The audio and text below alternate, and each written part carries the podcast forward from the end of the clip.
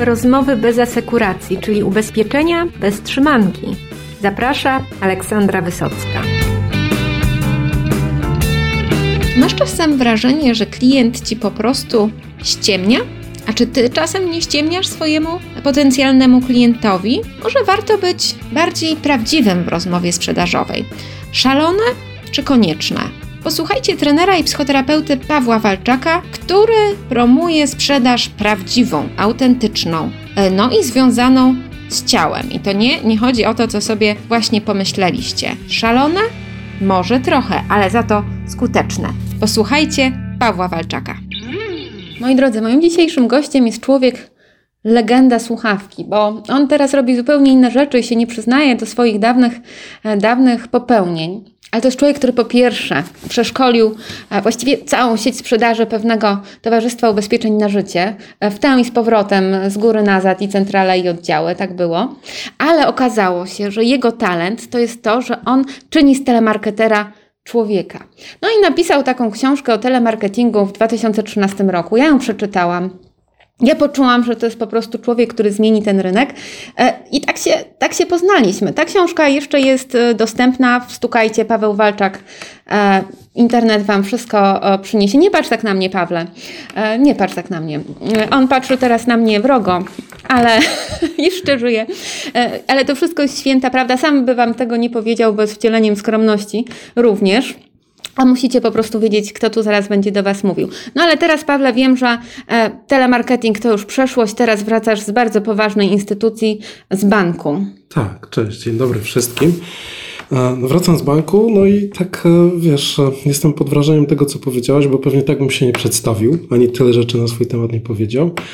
No jestem pod wrażeniem, bo kiedy my się widzieliśmy ostatni raz, to sporo czasu minęło, prawda? My się z Pawłem widujemy tak średnio raz do roku, gdzieś w trasie, gdzieś, bo no oboje jesteśmy mocno zabiegani, ale zawsze to są spotkania że tak powiem, brzemienne w skutki. Zawsze jakieś nowe projekty nam wpadają. No i teraz, jak ja obserwuję Pawła na, na Facebooku, co Wam też radzę, to zobaczycie tam jakieś dziwne urządzenia na jego stronie internetowej, jak, jak ją przejrzeć, czym się Paweł zajmuje, e, no to to jest takie bardzo no niesamowite. Drugiego takiego szkoleniowca, słuchajcie, nie ma. Ale wróćmy do tego banku, gdzie ty przez rok, co ty robiłeś z tymi biednymi sprzedawcami w banku? I to korpo sprzedawcami, nie myślcie sobie. Znaczy oni wcale nie są tacy biedni, oni są całkiem fajni. No i, są wręcz bogaci. E, no pewnie Ducha, tak. Duchowo. E, no, no i to, co robiłem, to miałem przyjemność pokazywania, jak działa analiza transakcyjna w budowaniu relacji z jednej strony, a z drugiej strony, co się stanie, jak tak e, zwrócimy uwagę na to, co się dzieje z, naszą emocjonalnością. Odpowiadaliśmy sobie na pytanie, czy mamy wpływ na naszą emocjonalność, czy mamy wpływ na budowanie postawy, na odporność psychiczną. Także to były takie rzeczy, nad którymi się zastanawialiśmy. I to jest właśnie niesamowite ale zacznijmy, słuchaj, o tej analizy transakcyjnej, bo rozumiem, że nie chodzi tutaj o transakcje finansowe, bo to zdaje się w bankach mają całkiem nieźle obcykane. No właśnie, analiza transakcyjna ma taką bardzo mylącą nazwę, bo wygląda jak jakaś koncepcja e, ekonomiczna, a tak naprawdę jest e, koncepcją, która się no żywcem wzięła z psychologii. Także E, pomimo mylących nazw, jest to mm, taka metoda, narzędzie do budowy relacji. No i no wiesz, Ola, ja tak naprawdę chyba nie jestem do końca taką obiektywną osobą, jeżeli chodzi o analizę transakcyjną, bo ja jestem po prostu w tej metodzie zakochany, ponieważ e, nie znalazłem koncepcji, która by tak dokładnie była w stanie opisać nie tylko opisać, ale również pomagać w budowie relacji, no nie tylko mi, ale innym ludziom, to zarówno na polu zawodowym, jak i na polu prywatnym również jak najbardziej. Także analiza transakcyjna, jak miałbym, bo pewnie będziesz chciała, żebym jakoś krótko przybliżył. Już tak prawda? nieśmiało chciałam o to y, spytać, żeby nasi słuchacze mogli po prostu zobaczyć, o co, znaczy, o co, o co chodzi. chodzi. Mhm. Tak, miałbym tak krótko powiedzieć, to i przypiąć ten temat jeszcze jakoś do, do sprzedaży, to pewnie jak będą nas słuchały osoby, które zajmują się sprzedażą, to doskonale sobie zdają sprawę, że człowiek bardzo często gra, że klient gra. Często to, co mówi, nie jest dokładnie tym, co myśli. Ale to mnie szokujesz, to ludzie nie zawsze mówią prawdę? No jakby ci to... Przepraszam, bo ja muszę pozbierać teraz tak, swój światopogląd. Chwileczkę, sekundę, tak, tak. Policzmy do trzech. Moje ciało musi tą wiedzę przyjąć. I o tym też potem powiemy, jak to ciało przyjmuje wiedzę. No dobrze, zakładam, że są być może klienci, którzy nie mówią nam wprost, co im się w nas nie podoba, w naszej ofercie, to masz na myśli, że oni nie chcą kupić naszych produktów na i, przykład, i nie podają nie? prawdziwych przyczyn? I nie podają prawdziwych Że są przyczyn. zajęci, mówią, a, a, a, tak naprawdę mają masę wolnego czasu? O, no i analiza transakcyjna twierdzi, że to nie dzieje się rzadko albo czasem, ale dosyć często. Że komunikujemy się albo inni się z nami komunikują na przynajmniej dwóch poziomach, takim jawnym i ukrytym to powoduje, że no, najzwyczajniej na świecie wytwarzają się pewne gry w komunikacji. Gry w komunikacji. Tak. No i za pomocą tej metody y, można y, zastanowić się i zobaczyć, jak te gry przerwać. To mi się w analizie transakcyjnej bardzo podoba, że to jest takie dobre narzędzie do tego, żeby być wprost wobec długo. To dajmy jakiś przykład. No, przy, jak, jak to może wyglądać? Przychodzi, nie, nie baba do lekarza, nie, nie idźmy tą drogą, ani facet do baru też nie, ale jakiś klient, tak? Mhm raczej my, jeżeli mówimy o no, agencie. Takim tak. typowym, sztandarowym przykładem jest to, że klient na końcu spotkania e, Musi bardzo, bardzo lubi powiedzieć, to ja się muszę zastanowić, prawda? E, no właśnie, i tak naprawdę on na poziomie tym jawnym mówi, że on się zastanawia, ale na poziomie ukrytym bardzo często może sobie pomyśleć, kurczę, nic od tego gościa teraz nie chcę, ale e, no, nie powiem może, żeby sobie już poszedł, tylko po prostu grzecznie powiem, że się zastanowi, bo może za trzy miesiące, za rok. On mi się na coś przyda. On mi się na coś przyda. Może u niego będzie to oferta najlepsza i będę chciał do niego wrócić. Także nie chcę z nim burzyć relacji. Także ten klient nie ma tyle odwagi, żeby powiedzieć wprost, że chcę z panem zachować relację, ale dzisiaj niczego od pana nie kupię. Ale to pięknie brzmi. Ja bym e, chciała takie coś usłyszeć. No właśnie. No i analiza transakcyjna poprzez to, że nas samych uczy, jak być wprost, powoduje, że z tym klientem łatwiej jest porozmawiać w taki sposób, ona to nazywa podciągnięciem klienta do poziomu dorosłego. Że klient jasno komunikuje, o co mu tak naprawdę chodzi, bez e, ukrywania się za jakimiś fasadowymi A powiedz mi ktoś, bo tutaj nawiązaliśmy tak do tych trzech ról, które w analizie e, transakcyjnej się pojawiają. Tak. Dorosły, rodzic i Zła teściowa nie. E, zła teściowa to na pewno też gdzieś się tam pojawia, natomiast e, analiza... Ja lubię wchodzić rolę. analiza mówi e, dosyć wyraźnie, że tam, gdzie się spotykają dwie osoby ze sobą, tam tak naprawdę jest co najmniej sześć tych osób. Ponieważ, no właśnie, i, i, i się robi zamieszanie, ponieważ na co dzień myślimy, że rozmawiamy tylko jeden do jeden. Sześć osób? Znaczy w sensie po trzy z każdej strony? Po trzy z każdej strony. I, i jakie to są osoby? Analiza mówi o takich trzech stanach ego gdzie mamy w sobie każdy z nas e, taką część. Ale to ja też? E, wiesz co, tak jak sobie na ciebie patrzę, to myślę, że chyba nawet trochę więcej. Może to ja mogę mieć. O, dobra. Nie myślę o tym, czyli mów, trzy, trzy stany trzy, ego. Trzy stany ego to jest dziecko, rodzic i dorosły. I teraz dziecko, tak mówiąc bardzo krótko, to jest ta część nas, która albo no, dąży do przyjemności, albo do unikania nieprzyjemności. E, rodzic może być albo wspierający, albo krytykujący. To jest ta część z nas, w nas, która albo wspiera drugą osobę lub samych siebie, albo krytykuje. No i pewnie wiecie, że ten rodzic krytykujący gdzieś tam jest dosyć mocno rozbudowany w dużej e, w większości z nas pewnie gdzieś tam potrafi. No czepialscy jesteśmy, tak chcesz powiedzieć. No właśnie. No właśnie. Czepiamy się. No. Troszkę się czepiamy, czepiamy, prawda? Natomiast e, Kłopot polega na tym, że bardzo często nie mamy dostępu do e, tej części dorosłego, albo gdzieś tam w procesie wychowania e, nie został wykształcony tak, jakbyśmy sobie tego życzyli, albo tak, jakbyśmy sobie tego potrzebowali. No i w trakcie moich szkoleń pokazuję, co zrobić, żeby umieć korzystać z tego e, dorosłego. Tak naprawdę sprowadza się to do odpowiedzi na pytanie, jak być autentycznym, jak być wprost wobec drugiego człowieka, jak tworzyć taką przestrzeń w rozmowie również sprzedażowej, e, która powoduje, że ja pozwalam drugiemu człowiekowi e, na słowo nie. No to brzmi pięknie, to wróćmy do e, tego naszego klienta, który mówi, że no, to bardzo ciekawe, ale musi się jeszcze troszkę zastanowić, albo mówić z małżonkiem, małżonką, albo no, musi pomyśleć. To, mhm. to co wtedy? Znaczy, no to już za późno w ogóle. Co wtedy? No, Zależy od tego, co się wydarzyło wcześniej, bo um, Ja podpowiadam, że warto budować taką postawę, a oprócz postawy warto mieć jakieś narzędzia, które pozwolą w takiej sytuacji zainterweniować najzwyczajniej na świecie. I analiza e, nazywana jest też e, taką metodą kontraktową. Czyli ja mogę umówić się z klientem, że nie będziemy w ten sposób rozmawiać, że będziemy po prostu rozmawiać ze sobą wprost. I to robisz na początku spotkania? Na początku, w środku, kiedy widzę, że klient na przykład ma taką tendencję do, no, do uciekania w tego typu mechanizmy, ja staram się um, umówić, e, zapytać go, czy to jest dla niego ok, żebyśmy rozmawiali po prostu otwarcie, oszczędzając swój i, i jego czas. I to często działa na takiej zasadzie modelowania postawy. Jeżeli e, ja jestem otwarty, to tak naprawdę e, zwiększam szansę na to, że druga osoba w rozmowie również będzie bardziej otwarta. No i powiedzmy, jak na to bankowcy reagują na początku? Znaczy, ja chciałem w ogóle obalić, tak jak obaliłem w swojej głowie taki mit bankowca, a, a, że, że, to są jacyś inni ludzie. To są.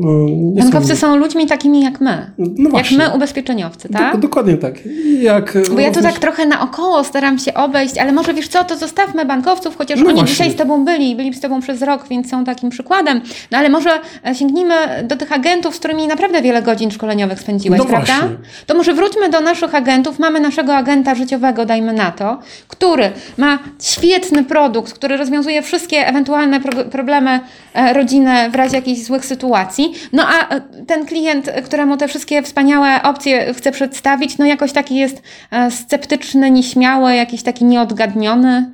Co zrobić na tym spotkaniu, żeby to przebiegło rzeczywiście w takiej atmosferze szczerości? I to jest właśnie kłopot, jak to opowiedzieć tak tak króciutko i tak szybko. Wszystko sprowadza się do tego, no, jaką postawą, z jaką postawą my wchodzimy na to spotkanie. Ja podpowiadam, że warto być po prostu wprost wobec drugiego człowieka i analiza dostarcza ileś takich technik komunikacyjnych do bycia wprost.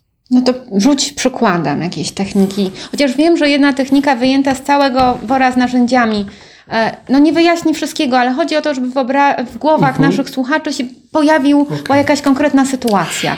E, to może e, w ten sposób. Ja pokazuję taką technikę, którą dla własnych potrzeb nazywam budowaniem kontekstu. Budowanie kontekstu. Budowanie kontekstu. Skupiam się teraz. Teraz no to może być tego typu sytuacja, gdzie ja nie tylko mm, mam coś do zakomunikowania, ale wyjaśniam, dlaczego ja to mówię. Czyli jeżeli stoję przed ludźmi na szkoleniu i e, zastanawiam się, które szkolenie sprzedażowe to jest dla nich, e, to nie tylko mówię dzień dobry, nazywam się Paweł Walczak i, i spędzę z wami tutaj dwa dni, ale również e, mówię o tym, co jest z tyłu mojej głowy. Czyli otwieram się. Tak mówiąc krótko, buduję kontekst tego, co jest we mnie, żeby mi oni nie tylko słyszeli moje słowa, ale wiedzieli, dlaczego je wypowiadam i co się w tym momencie dzieje w mojej głowie.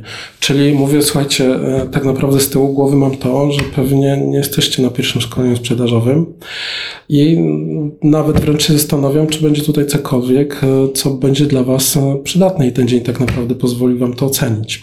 Czyli generalnie... Wystawiasz się. Wystawiam się.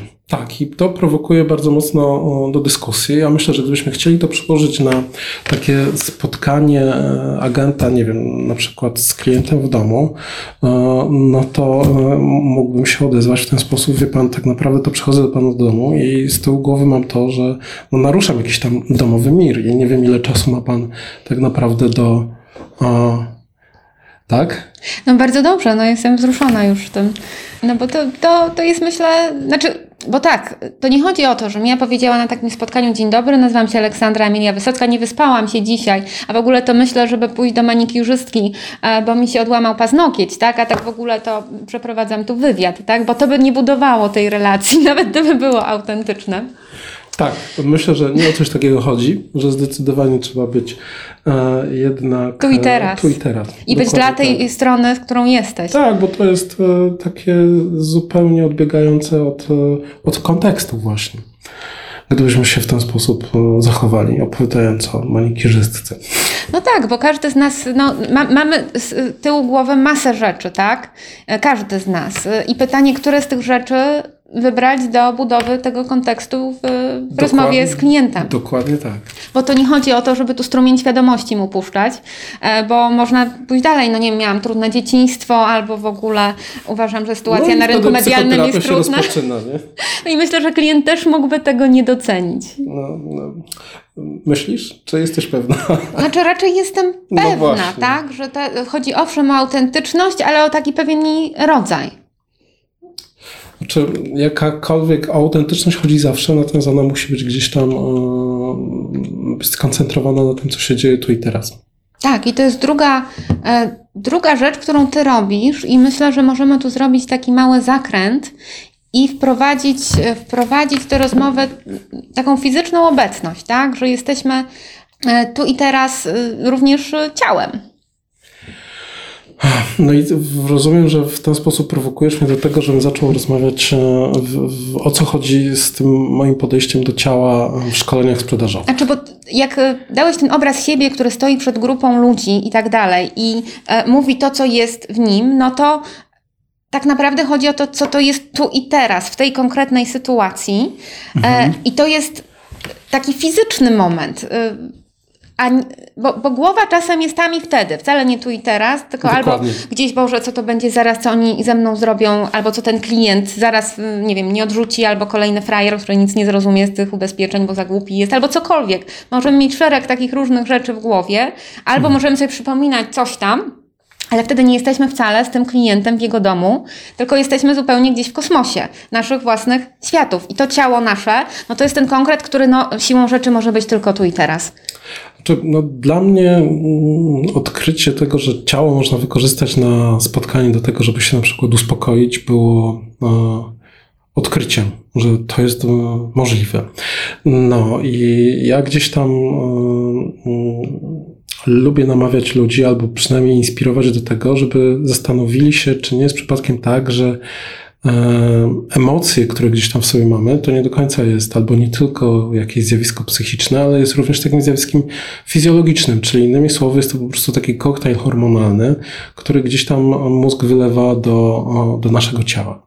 I w zależności od tego, co z tymi emocjami się wydarzy, jaki ten koktajl będzie, czy tam będzie więcej tego kortyzolu, hormonu stresu, czy więcej endorfin, to będzie bardzo mocno wpływało na to, jak my się będziemy na tym spotkaniu e, zachowywać. Czy my właśnie będziemy tu i teraz na przykład, czy my będziemy gdzie indziej, bo ten kortyzol będzie nas rozpędzał do tego stopnia, że tak naprawdę nie będzie się liczył tyle klient, co cel, albo tak naprawdę nawet nie będziemy gdzieś tam zawodowo na tym spotkaniu, tylko jesteśmy w innym miejscu, myślimy o tym, co się dzieje w naszej rodzinie.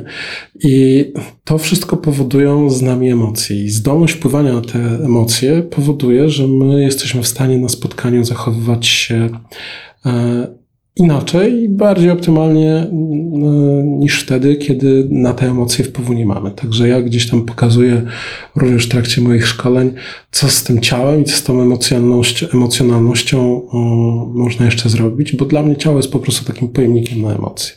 To jest piękna, piękna definicja. Ciało jako pojemnik na emocje, też na ducha, myślę. Prawda? Bo tutaj wiele się w tym mieści. To jest takie, ale to jest też narzędzie sprzedażowe. Jak najbardziej. I nie mówimy to o pewnych branżach, które niektórym być może przyszły do głowy. no to się nasuwa siłą rzeczy. Natomiast wracając do tego ducha jeszcze, to dla mnie jak najbardziej tak, to jest pojemnik na ducha, natomiast e, gdzieś tam na szkoleniach nie, nie, raczej nie dotykam tego tematu, no bo duch dla wielu osób nie jest rzeczą udowodnioną, więc też nie staram się w to nie zagłębiać, natomiast dotykam tego, co jest zbadane, czyli wiemy, że emocja tak naprawdę jest koktajlem hormonalnym i pokazuje ludziom, jak w naturalny sposób na ten koktajl hormonalny można wpływać. Wręcz zadaję ludziom pytanie, gdybyś miał do wyboru dwa szkolenia albo dwa prezenty i jeden prezent to są takie świetne techniki narracyjne, gdzie po prostu będziesz bardzo zadowolony, że je poznałeś, a drugi prezent to takie pudełko, gdzie masz po prostu taki koktajl hormonalny, gdzie e, na stałe możesz sobie go pić w taki sposób, że będziesz miał bardzo dużo endorfin, hormonów szczęścia e, w sobie. Hormon stresu, kortyzol będzie bardzo nisko, a poziom adrenaliny będziesz miał taki, będziesz mieć taki, że... Żeby ci się chciało. Żeby by się chciało chcieć po prostu. A nie tylko się uśmiechać. No, no i mam takie doświadczenie, że jednak większość sprzedawców odpowiada, że no, woli sobie ten koktajl przyjąć, bo techniki narracyjne tak naprawdę nawet te najbardziej e, czadowe, ciekawe, interesujące tak naprawdę dzisiaj można wygooglać. A mm, jeżeli chodzi o ten koktajl hormonalny, no to to jest coś, e, na co takiego łatwego wpływu jeszcze nie mamy, natomiast no, mm, daje ludziom taki przepis na to, co robić przez 15 minut dziennie, przez 4 dni w tygodniu, żeby jednak taki, taki poziom e, hormonów utrzymać w sobie, który daje duże poczucie radości i również taką odporność psychiczną na co dzień. E, czyli e, to jest tak, że sprzedawca, który jest szczęśliwy i spokojny, będzie sprzedawał lepiej niż taki, który jest zestresowany? Znaczy ja chyba nie, nie odkrywam teraz żadnego koła, ale, ale tak, może tam trochę w branżę szkoleniową uderzam i, i siebie, ale uważam, że żadne szkolenie nie da tyle, ile właściwe podejście e, emocjonalne do, do swojej pracy i swojego zawodu. I z mojej perspektywy, i tak jak e, pracowałem e, naprawdę już z wieloma ludźmi, to ten efekt zawsze był lepszy wtedy, kiedy człowiek popracował nad tym swoim koktajlem hormonalnym, czyli tak naprawdę nad nastawieniem od takiej sytuacji, gdzie ktoś uczył się na nawet naprawdę dobrych technik, to, to, to, nigdy nie było tak skuteczne jak wtedy, kiedy człowiek miał po prostu dobre przygotowanie mentalne. I mówi się o tym również w psychologii sportu, i to są takie oczywiste rzeczy, które uważam w świecie sprzedaży jeszcze ciągle, e, ciągle są e, nowością. No ale zobacz, e, przecież jak sprzedawców się motywuje tymi celami, sprzedaży, tym, tą rywalizacją, tak, że a tutaj Krzysio to ma taki wzrost, ty masz taki tak. wzrost, a jak nie będziesz miał, pamiętasz tych trzech nagrodach, pierwsza nagroda uścisk prezesa, druga nagroda kwiaty, trzecia wypowiedzenie, tak? Dru druga to zestaw noży, a trzecia wypowiedzenie. Wiedziałam, że coś pomylę. Zawsze tak robię. E, w każdym razie idea jest taka, że niekoniecznie to jest zarządzanie szczęściem sprzedawcy, tylko tam jest taki podtekst, że jak będzie szczęśliwy, to będzie leniwy. Nie będzie mu się chciało e, realizować tych celów. Trzeba postraszyć. No może czasem marchewka, czasem kij, ale mhm. jednak niekoniecznie produkcja szczęśliwych pracowników czy agentów to jest klucz do sukcesu firmy. Tak, znam takie firmy, gdzie, e, gdzie bardzo zarząd firmy się cieszy, jeżeli pracownicy mają bardzo duże kredyty. E, mm, Natomiast e, myślę, że tak naprawdę nie o to chodzi i że najbardziej optymalnie działamy wtedy, e, kiedy mamy na siebie sposób. No, lepiej funkcjonuje wtedy, kiedy moja odporność psychiczna jest większa, niż wtedy, kiedy psychicznie jestem osobą wykończonym. Lepiej pracuje osoba, która ma wysoki poziom oksytocyny, endorfin, hormonów szczęścia, od osoby, która jest na skraju wypalenia zawodowego. To są takie oczywiste rzeczy i no, wolałbym mieć odporność psychiczną i dobre nastawienie psychiczne na co dzień, niż być mistrzem e, technik narracyjnych. I zgadza się ze mną no, większość sprzedawców, których o to pytam. I to jest tak naprawdę najistotniejsze, zwłaszcza e, w takich sytuacjach, kiedy my nie na wszystko w życiu mamy wpływ. Bo przecież jest tak, że wchodzimy do jakiejkolwiek firmy w zasadzie i mamy cel narzucony, czyli musimy sobie poradzić z czymś, co, co wszyscy znamy, co się nazywa po prostu presja psychiczna. Więc jeżeli ja mam świetne narzędzia narracyjne, ale nie umiem sobie poradzić z presją psychiczną, no to niestety e, nie będę e, moim zdaniem Mówię o tym, jakie są moje doświadczenia, może ktoś ma inne, ale moim zdaniem nigdy nie będę tak skuteczny.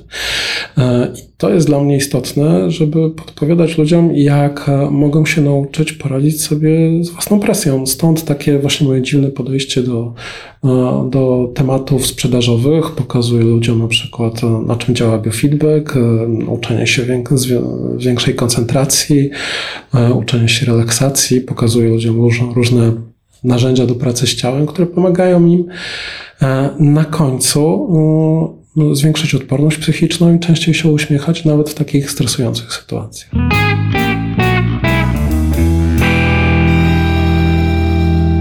No i powiedz mi, e, bo musimy wrócić do naszych bankowców, tak? bo z nimi spędziłeś rok, czyli tam był, oni mieli dużo czasu, żeby te techniki opanować. I powiedz mi, czy jak, jak ich wyniki, jakie są ich obserwacje, jak to wpłynęło na ich praktykę sprzedażową? Czy, mm, ja też nie wszystko mogę powiedzieć, bo mam taką klauzulę o poufności, ale e, tak jak rozmawiam z tymi ludźmi, to są bardzo, widzę, że są bardzo zadowoleni ze swoich e, wyników sprzedażowych po, po tym roku. Wiem, że mieli mm, dobry rok. E, natomiast no, to, co mogę powiedzieć, to to, że ludzie potrzebują takiego podejścia, w którym będą mogli lepiej zadbać o własną emocjonalność. I tak jak omawialiśmy sobie te metody związane z narzędziami e, narracyjnymi, to oczywiście to wszystko było bardzo, bardzo potrzebne dla nich, ale widziałem, jak dużą ulgę przynoszą mi te, e, te momenty, w których e, poświęcamy czas na to, żeby pokazać im, jak można popracować mentalnie nad sobą, jak można zmierzyć poziom, zmniejszyć poziom stresu w organizmie, bo no, no Pewnie też nie, nie, nie, nie będę tworzył tutaj żadnego koła, ale mniejszy stres to inny styl myślenia, to inny sposób podejmowania W ogóle decyzji. jest myślenie, dlatego że jak mamy stres, to przecież te wszystkie wyższe funkcje mózgu nam się równo odcinają i albo ucieczka, albo atak i tak naprawdę mamy wtedy e, w ręku takie najprostsze, najbardziej prymitywne no, reakcje. No właśnie, one są wtedy e, najbliżej e, nas i gdzieś tam były robione badania, okazuje się, że człowiek ma 65 tysięcy myśli średnio dziennie. Mój Boże, jacy my jesteśmy myślący. No, no właśnie, pytanie, czy, czy, czy jeszcze myślący? Czy myślimy o tym, co przy, trzeba? Przy, przy, takim natężeniu myśli. Natomiast te metody redukowania stresu, one działają w ten sposób, że kiedy zwrócimy uwagę na nasze ciało, to świadomość ucieka od tych myśli, skupiając się na ciele, natomiast ucieka od tych myśli w taki sposób, że te najgorsze związane z zamartwianiem się, tworzeniem takich negatywnych scenariuszy, e, one znikają. E, I e, niezwykłość e, takiej uważności, takiego, takiej, takiego skupienia się na odczuciach tak naprawdę z własnego ciała powoduje, że przestajemy albo mniej myślimy negatywnie. I to gdzieś tam za pomocą bardzo prostych ćwiczeń na, na, na, na warsztatach gdzieś tam pokazuje uczestnikom i to budzi właśnie takie czas, często duże zaskoczenie, że tak proste metody mogą spowodować, że tak łatwo i tak szybko mogę zmienić swój styl myślenia. Ale wyobraź sobie taką sytuację, mamy korporację ubezpieczeniową, jest zebranie e, menedżera, dajmy na to, z agentami, rozpoczyna się spotkanie, no i menedżer mówi, a teraz zamknijcie oczy, tam nie wiem, policzcie do dziesięciu i przypomnijcie sobie swój najwspanialszy moment z tego tygodnia. E, no, zebrania się rzadko tak e, zaczynają. Raczej włączamy jakiegoś PowerPointa, czy ja nigdy nie miałem takiego zebrania. Pomimo tego, że, że, że, spędziłem kawał czasu przecież e, w tej, w tej branży, to nie przypominam sobie, żeby którekolwiek zebrań tak, tak się rozpoczynało. Ja myślę, że to wszystko zależy tak naprawdę od tego, jakie istnieją relacje pomiędzy ludźmi w takiej grupie. Natomiast ja myślę, że na szczęście to też nie jest wymagane, żeby w ten sposób prowadzić te zebrania. Najważniejsze jest to, co indywidualnie ludzie robią ze sobą po zebraniach, albo zwłaszcza po trudnych spotkaniach, albo trudnych rozmowach z podwładnym, albo z przełożonym. I, I, to jest istotne, co my z tym stresem, który się gdzieś tam nam w dniu nagromadził, zrobimy wieczorem albo po, zaraz po takiej trudnej, stresującej sytuacji. No i to jest istotne. I w redukowaniu stresu jest jeszcze ważna jedna rzecz, e, regularność, ponieważ jeżeli ja redukuję stres regularnie, to jeżeli mm, PowerPoint działa, działa na mnie tak e, bardzo negatywnie, e, no to mam pewność, że nie zamorduję wszystkich na tym zebraniu. Jeżeli e, ten stres redukuję sobie gdzieś tam regularnie 4 dni po 15 minut. Natomiast jeżeli tego nie robię, to kolejny slajdument szefa może spowodować, że, że po prostu wpadnę w wypalenie zawodowe albo depresję. Oczywiście przesadzam teraz, natomiast no, no, trudniej znieść takie momenty, z którymi się na przykład nie zgadzam. Także tutaj wracam do takiego mojego ulubionego słowa, proaktywność. Proaktywność? Proaktywność. Słyszałam proaktywność. Pro, proaktywność. Tak, proaktywność. I co masz na myśli? E, no to jest właśnie taka zdolność do wyboru e, innej, bardziej, bardziej optymalnej reakcji. że jeżeli jestem w jakiejś trudnej sytuacji, e, nie zgadzam się z czymś albo cel jest e, wysoki, to mam taką zdolność do wyboru innej emocji, innego zachowania e, i zareagowania po prostu inaczej niż wtedy, kiedy tej proaktywności bym sobie nie miał. To jest po prostu taka przestrzeń między tym, co mnie spotyka, a tym, jak chcę na to zareagować. I tą przestrzeń się najzwyczajniej w świecie trenuje. E, I w wyniku tego treningu ta przestrzeń powolutku, powolutku, ale e, systematycznie się powiększa, dając takie spojrzenie, taką uważność tu i teraz. Co ja mogę jeszcze inaczej tutaj zrobić? Jak mogę inaczej zareagować niż e, zamordowanie szefa przez to, to jest pokazuje... jakaś opcja, tak. tak. Ale może są rzeczywiście też inne. Można po prostu poobcinać wszystkie kończyny. Ale żeby żu... Żart, nie, żartuję oczywiście. E, czyli mamy. Ja wiedziałem, że dojdziemy do tego momentu, w którym pokażesz swoje poczucie humoru i bardzo na to czekałem. Przepraszamy, że tak długo, tak, ale człowiek nie jest doskonały. E, słuchaj, wróćmy troszkę do, do tych dzieci, dorosłych rodziców, tak? Jak, jak mhm. E, nie wiem, czy to można generalizować, ale troszeczkę musimy spróbować. Mhm. Czy u nas w naszej kulturze, albo dajmy na to w branży, czy są jakieś takie tendencje do wchodzenia e, w określone role? Czy my bardziej dzieci, bardziej rodzice, czy tak pół na pół? Czy ja nie, nie wiem, czy e, jak wchodzimy w określone role, bo każdy ma gdzieś tam jakiś swój własny, indywidualny jednak taki skrypt życiowy na życie. Natomiast myślę, że można mówić o tym, co, co robi z nami proces wychowania. On powoduje, że e, łatwiej nam się porozumiewać albo z poziomu rodzica, albo z poziomu dziecka, tak jak ja obserwuję e, siebie i moich klientów. E, natomiast stan dorosłego jest najmniej wykształcony i to łatwo zauważyć nie wiem, Ola, czy pamiętasz, myśmy byli kiedyś na takim e, szkoleniu, gdzie e, była taka gra myślenie pytaniami. Trzeba było pytaniem odpowiedzieć na pytanie. E, Blerzinger? Czy... Tak, tak, tak, tak, tak, tak. I to jest bardzo dobry test na to, jak mamy wykształconego dorosłego. Dorosły w nas generalnie dąży do bycia obiektywnym, do zadawania wielu pytań, do analizowania jest taki e, rzetelny, dążący do obiektywności, emocji w nim za wiele nie ma. Dlatego się nim tak dobrze porozumiewać w sytuacjach konfliktowych, kiedy te emocje idą do góry, albo kiedy są te sytuacje nowe i jeszcze nie wiadomo, jak intensywnie emocjonalnie zareaguje klient, i chcemy dać mu taką przestrzeń bezpieczeństwa i sobie również. Z tego dorosłego warto, warto wtedy korzystać i korzysta się z niego w taki sposób, że na przykład zadaje się pytania. I e, no, moje doświadczenia z tym ćwiczeniem są takie, że jednak e, mm, sieć neuronowa w mózgu jest tak skonstruowana, żeby łatwiej było udzielać odpowiedzi, niż e, stawiać właściwe pytania. Wszyscy gdzieś tam, albo w większości tutaj generalizuję, mamy jakiś kłopot z postawieniem właściwego pytania. I ja lubię myśleć w ten sposób, że odpowiedzi leżą na ulicy, ale pojawiają się dopiero wtedy, jak jesteśmy w stanie postawić właściwe pytanie. Problem w tym, że my się nie ćwiczymy w stawianiu pytań. Ale które pytanie jest właściwe? Jak to, w jakim sensie? No to, które e, otwiera. Jest mnóstwo takich e, ciekawych pytań, które mobilizują nas do, e, do myślenia. Dla mnie takim na przykład pytaniem, które sobie lubię zadawać, to jest o czym jeszcze nie myślałem. I tak jak patrzę na swoje życie zawodowe, to stawianie tego pytania powoduje, że no ktoś z boku, tak jak ty możesz powiedzieć, ale ty się dziwnymi rzeczami zajmujesz. A ja poprzez to, że zadaję sobie to pytanie, to sięgam do coraz takich nowych perspektyw dotyczących tak naprawdę tego samego tematu, jak być bardziej efektywnym i w życiu zawodowym, i w życiu prywatnym. I stawianie sobie tego typu pytań e, mobilizuje mnie do, do patrzenia na to ze świeżych perspektyw. I e, wiem, że jeżeli e, człowiek funkcjonuje w taki sposób, że zbiera pytania, jest takim zbieraczem pytań, to jest mu łatwiej potem funkcjonować w rzeczywistości.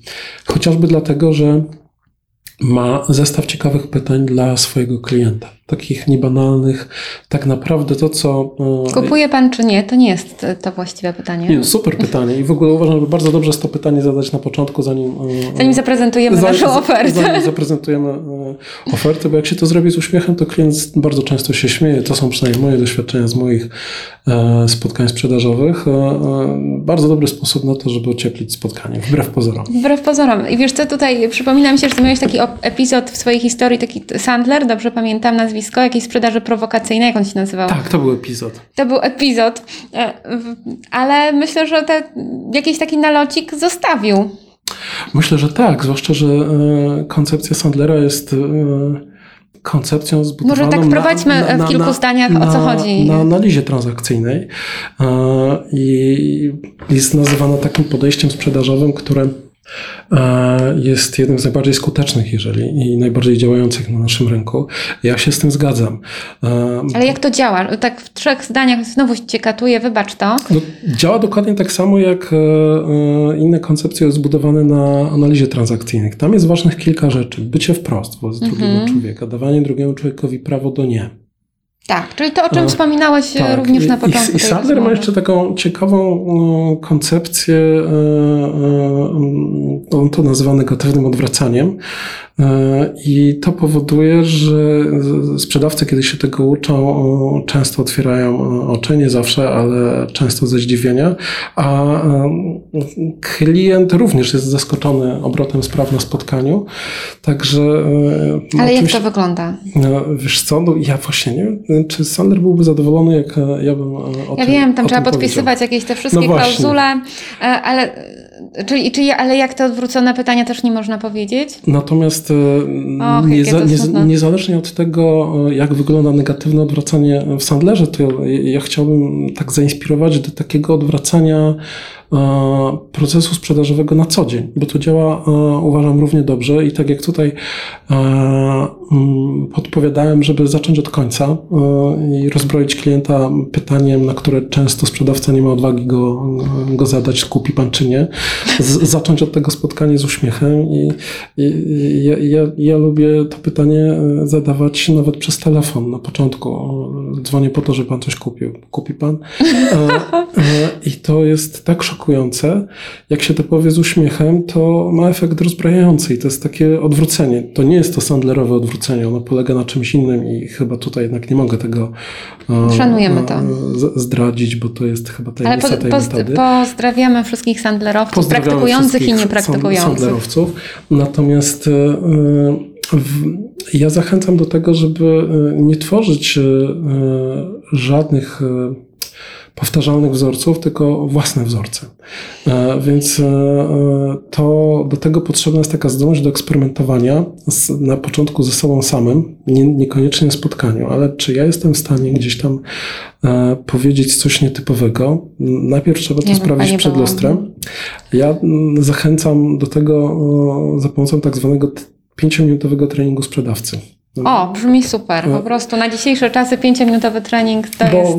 w, ogóle przecież jest tak, że jak człowiek robi coś zawodowo, no to to trenuje. Przynajmniej tak jest w sporcie. No to jest oczywiste, że bez treningu nikt nie jedzie na, mm, na żadne zawody. Natomiast my gdzieś tam mm, często w tym życiu takim rozpędzonym zapominamy, że warto coś przetrenować, stanąć najzwyczajniej w świecie przed lustrem, powiedzieć coś na głos i zapytać swojego brzucha, czy czujesz się z tym komfortowo, bo te doznania, one gdzieś tam płyną z, nas, z naszego ciała, komfortu, dyskomfortu.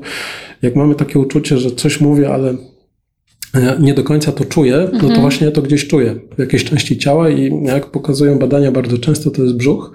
Także e, ja podpowiadam, żeby e, trenować 5 minut w samochodzie, 5 minut dziennie przed lustrem, jakieś teksty sformułowane, a sformułowania, sposoby odzywania się do klienta takie własne. Oczywiście na podstawie tego co usłyszeliśmy gdzieś indziej na szkoleniu, zainspirowaliśmy się jakimś filmem, jakimś webinarem. E, do moment, od tego momentu, kiedy to usłyszeliśmy, do momentu, kiedy to powiemy pierwszy raz, moim zdaniem ta droga nie jest bardzo, bardzo długa, ale nie jest też krótka. No, tak to chciałem powiedzieć, chyba tak. E, po prostu trzeba to w mhm. międzyczasie mhm. najzwyczajniej w świecie przetrenować, wstawić tam własne słowa, przecinek może w trochę innym miejscu, żeby to nie było takie jak u tego trenera, którego gdzieś tam słyszeliśmy, tylko żeby to było najzwyczajniej w świecie po prostu nasze.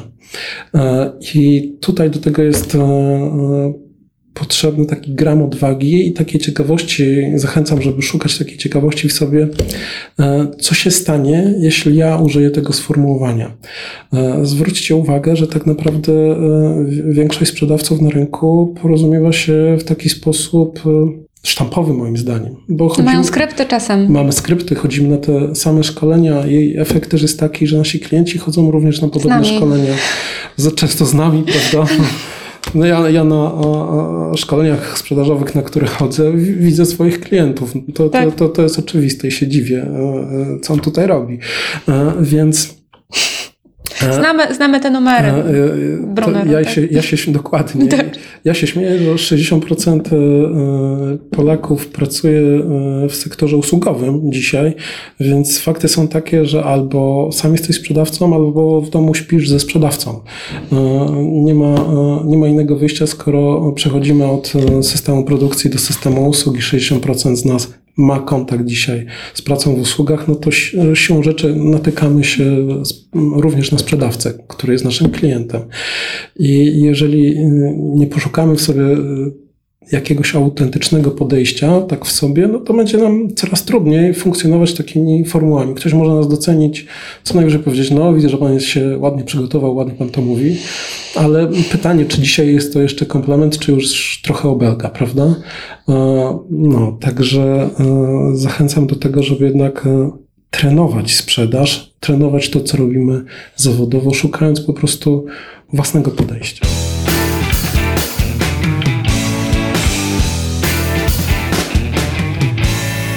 Pawle, wspominałeś o tych 15-minutowych, e, tak, e, takich własnych e, ćwiczeniach z, tak. z emocjami. Czy możesz troszkę powiedzieć, jak się do tego zbliżyć, jak, co, co można zacząć robić? Może nasi mhm. słuchacze by chcieli coś spróbować tak na razie troszkę, żeby sprawdzić, jak im to pasuje. Może, czy, czy jak, to, o co w ogóle tutaj wychodziło? No, temat jest generalnie bardzo taki ciekawy i często przyjemny dla korzystających.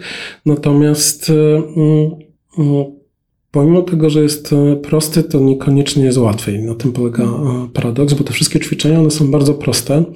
Natomiast trzeba znaleźć taką metodę, takie podejście, która będzie e, w zgodzie ze mną.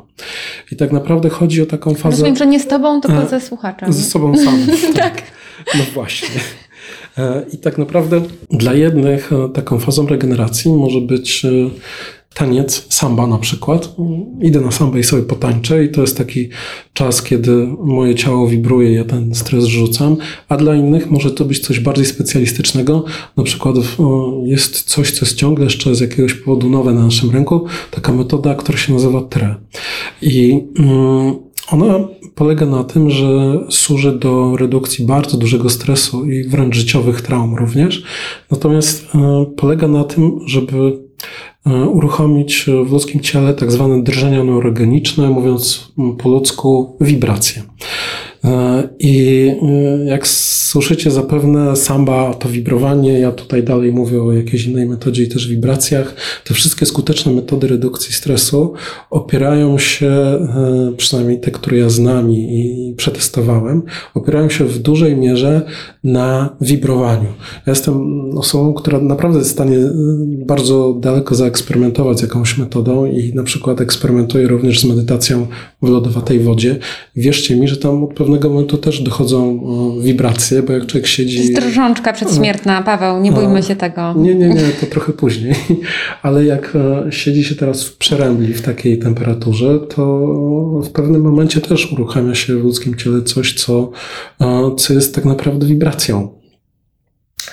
I e, może nie polecam od razu takich hardkorowych metod, ale poszukiwanie właśnie różnych podejść, które spowodują, że twoje ciało zacznie... Wytrząsie. Zacznie, tak, wytrzęsie, zwyczajnie w świecie wytrzęsie. Ciało ma różne sposoby na to, żeby sobie radzić, nad, radzić z nadmiarem stresu w organizmie, czyli między innymi tego e, hormonu o nazwie kortyzol. My go na przykład wypłakujemy. Jeżeli w nas jest za dużo stresu, to płacz uwalnia uwalnia e, kortyzol. No ale wiadomo, w naszej kulturze ten płacz, zwłaszcza u, u mężczyzn, mówi się, że nie jest wskazany e, z jakiegoś dziwnego powodu. Tylko niekoniecznie na spotkaniu z klientem. Mm, na przykład, nie? E, Zdarzyło A, Ci ale... kiedyś płakać w, na spotkaniu z klientem? No wiesz co, nie przypominam sobie. Ja nie przypominam sobie. Tak pięknie Pan odmówił. Ra, raczej nie, ale pamiętam taką sytuację, że generalnie to chciałoby się płakać po spotkaniu z klientem. To jest nie? inna kwestia, Żal. tak. No. Natomiast e, Podobnie jest z wibracją. No, my nie uczymy się tego, że wibracja jest czymś, co jest pożądane. W życiu dorosłego człowieka, że wibrować może dziecko takie kilkuletnie, ale dorosły człowiek już sobie nie może na to pozwolić. Chyba, że ma fotel do masażu. No, co najwyżej, prawda? Natomiast e, no właśnie jest taką dużą umiejętnością się okazuje sięgnąć do takiego wewnętrznego dziecka w sobie i, i e, uśmiechnąć się tak do siebie i zacząć wibrować. No i gdzieś tam jedna z metod, która jest mi bardzo bliska właśnie, pozwala te wibracje uruchomić i pozbyć się naprawdę bardzo, bardzo takiego dużego e, stresu. No ja stoję na stanowisku, że e, samo przegadanie stresu za mało. E, to, to za mało od pewnego momentu. Do pewnego momentu ok, ale od pewnego momentu to jest za mało. I e, no, no co, no ja mogę o tym mówić, ale najlepiej to po prostu sprawdzić. Um, sprawdzić. I niekoniecznie to być, musi być metoda tre, czy tam samba, ale chodzi o to, żeby znaleźć jakąś taką metodę, e, która sprawi, że nie będziemy się krępować, wejść w stan wibracji na parę czy kilkanaście minut i zrzucić ten stres całego dnia z siebie. Te metody do niedawna były mm, jeszcze takie e, nieznane. Dzisiaj na szczęście są coraz bardziej rozpropagowywane i no serdecznie polecam. Wiem, że na podstawie własnego organizmu, własnych doświadczeń, że, że działają. No ja miałam styczność z tą metodą tak e, e, jako na, na marginesie innego warsztatu dla kobiet Mhm. E, ale e, tam mówiła nam instruktorka, że tą metodą leczono weteranów Wietnamu e, i że ona jakby powstała w leczeniu takich naprawdę potężnych traum zapisanych tak. w ciele i że jest szereg badań, które potwierdzają jej skuteczność naprawdę na czy ofiarach trzęsień ziemi, czy, czy działań wojennych, żołnierzach, komandosach. Dokładnie tak. Ja, ja miałem przyjemność się uczyć tej metody od Asi Olchowik z Koszalina i takiego pułkownika Armii Stanów Zjednoczonych, który specjalnie przyleciał do Polski, żeby nam tą metodę pokazać i jak opowiadał, jest ta metoda właśnie wprowadzana do, do, do Stanów Zjednoczonych i, i do armii i okazuje się, że w końcu ten proces e, uzdrawiania z traumy, z syndromu pourazowego można znacznie, znacznie skrócić dzięki. No i okazu okazuje się, że te traumy to nie tylko wojna, tak, bo szczęśliwie większość z naszych słuchaczy raczej nie miała z nią do czynienia, ale chodzi o to, że nawet takie wydarzenia może z zewnątrz nie aż tak traumatyczne, w naszym ciele mogą być zapisane jako potężne traumy. E, dokładnie tak. Zresztą to nie chodzi tylko o traumy, ale również o ten bardzo, bardzo duży stres. A Niewiele uważam jest dzisiaj e, zawodów bardziej stresujących niż praca pod ciągłą presją wyniku sprzedażowego, który jeżeli w zeszłym roku go zrealizowałeś, no to w tym roku dostaniesz 25% wyższy, e, no bo dlaczego nie? E, I radzenie sobie z tą presją jest umiejętnością i wymaga dzisiaj już naprawdę takiej głębokiej uważności na własnego siebie, na, na, na siebie samego i poszukiwania czegoś nowego tego, żeby znaleźć coś, co jest e, skuteczne i dlatego w moim życiu jest. No, jak się coś mówi, że coś mną wstrząsnęło, to nie jest przypadek, e, dlatego że to trzęsienie jest naprawdę powiązane z najsilniejszymi, mhm. e, najsilniejszymi przeżyciami. No o tym się do tej pory, znaczy do tej pory, no generalnie niewiele mówiło. E, w sprzedaży, o tym, jak my się czujemy. No, można było się rozluźniać, odstresowywać się można było w korporacji. Tak. Można było schodakowską mieć aerobik albo chodzić na siłownię. To była taka zrozumiała forma E, no, pracę z ciałem, tak? E, no ale to się zmienia. Już yoga już nie, nie wzywa się egzorcysty tak często, jak, jak ktoś tą jogę Poznaniu uprawia. się wzywa ciągle. Wzywa się ciągle? Poznaniu się ciągle wzywa. Z tego co słyszę, to dziewczyny, które organizują gdzieś tam w parku jogę, to tam jednak Mają. egzorciści, egzor, Cyści? Cyści. Tak, są, są wzywani. No ale na szczęście nie jest tak wszędzie. No ale nawet po, po Twoich różnych tutaj przygodach e, na tym korporynku, e, myślę, że można pokusić o tezę, że nasze korpo też się zmienia. Że i ci szefowie, i ci menedżerowie, oni też zaczynają czuć, że to nie chodzi o te 25% wzrostu. Mhm. No i sytuacja na, w światowej gospodarce pokazuje, że ten wzrost niekoniecznie jest już receptą na wszystko, coraz trudniej go wypracować. Znaczy ja myślę, że y, nie wiem, czy można to nazwać gotowością, y, y, ale na pewno potrzebą. Czasem ona jest nie, nieuświadomiona, ale ten nacisk, ta presja jest na tyle duża, że ludzie są bardzo otwarci na wszelkiego rodzaju pomysły na to, co co z tym można zrobić, jak sobie z tym można poradzić. I oczywiście z jednej strony dążenie do większej maksymalizacji efektu jest e, sposobem na rozwiązanie tego problemu, żeby jeszcze lepiej porozumiewać się z klientem na spotkaniu, to mam na myśli, ale z drugiej strony e, znalezienie jakiegoś wewnętrznego luzu w sobie, który spowoduje, że to napięcie przestaje funkcjonować, to, to, to, to jest druga strona. Także gdzieś tam no, trzeba szukać zarówno pomiędzy takimi metodami, które spowodują, że jestem bardziej skuteczny, jak i takimi metodami, które spowodują, że ja lepiej podejmuję decyzje, lepiej myślę, lepiej się porozumiewam e, z klientem i korzystanie z jednego i z drugiego wydaje mi się takim najbardziej optymalnym podejściem w tej chwili. Myślę, że już wiele firm e, jest gotowych takiego podejścia wysłuchać. Pawle, powiedz na koniec naszym słuchaczom, gdzie Cię można znaleźć w internecie, jakby się chciało czy z Tobą skontaktować, czy dowiedzieć więcej o tym, co robisz, to gdzie Cię można znaleźć? Ja zapraszam na moją stronę e, jakbudowaćrelacje.pl e, No i można się skontaktować ze mną w takich e, sytuacjach, jeżeli na przykład mm, potrzebujesz wsparcia dla swojej organizacji w temacie sprzedaży, ale również e, zajmuję się psychoterapią, także gdyby... Masz praktykę w Poznaniu? Mam praktykę w Poznaniu w tym momencie, tak. Także jeżeli ktoś chciałby skorzystać, serdecznie zapraszam. No, e, wiem, że też troszkę zaczynasz eksperymentować z jakimiś zdalnymi formami pracy. E, masz na myśli ten biofeedback? No, że e-learning to coś, czy to... A to są takie projekty gdzieś tam póki co wewnątrzorganizacyjne, także... E, Ale jak coś będzie się działo, rozumiem, że dasz na nam znać, na pewno dam znać. bo myślę, że to będzie e, się przyda wielu osobom. Myślę, że tak. No dobrze, to niech biofeedback będzie z Tobą.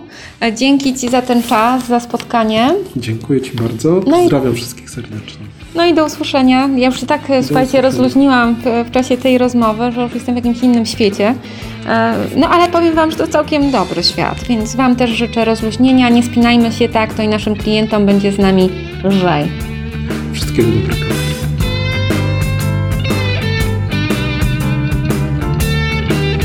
Dziękuję Wam bardzo za tą wspólnie spędzoną godzinę. Mam nadzieję, że skłoniło Was to do refleksji, zastanowienia, czy w Waszej sprzedaży, Waszej praktyce biznesowej może być jeszcze więcej miejsca na szczerość, na otwartość, na wchodzenie z tym, e, co naprawdę jest i u Was, i u Waszych klientów. I okazuje się, że ta szczerość ma naprawdę potężny potencjał sprzedażowy. Czego Wam życzę i sobie również. Wszystkiego dobrego, kochani. Jeżeli ten podcast jakoś Was zainspirował, polubcie go, udostępnijcie, podzielcie się.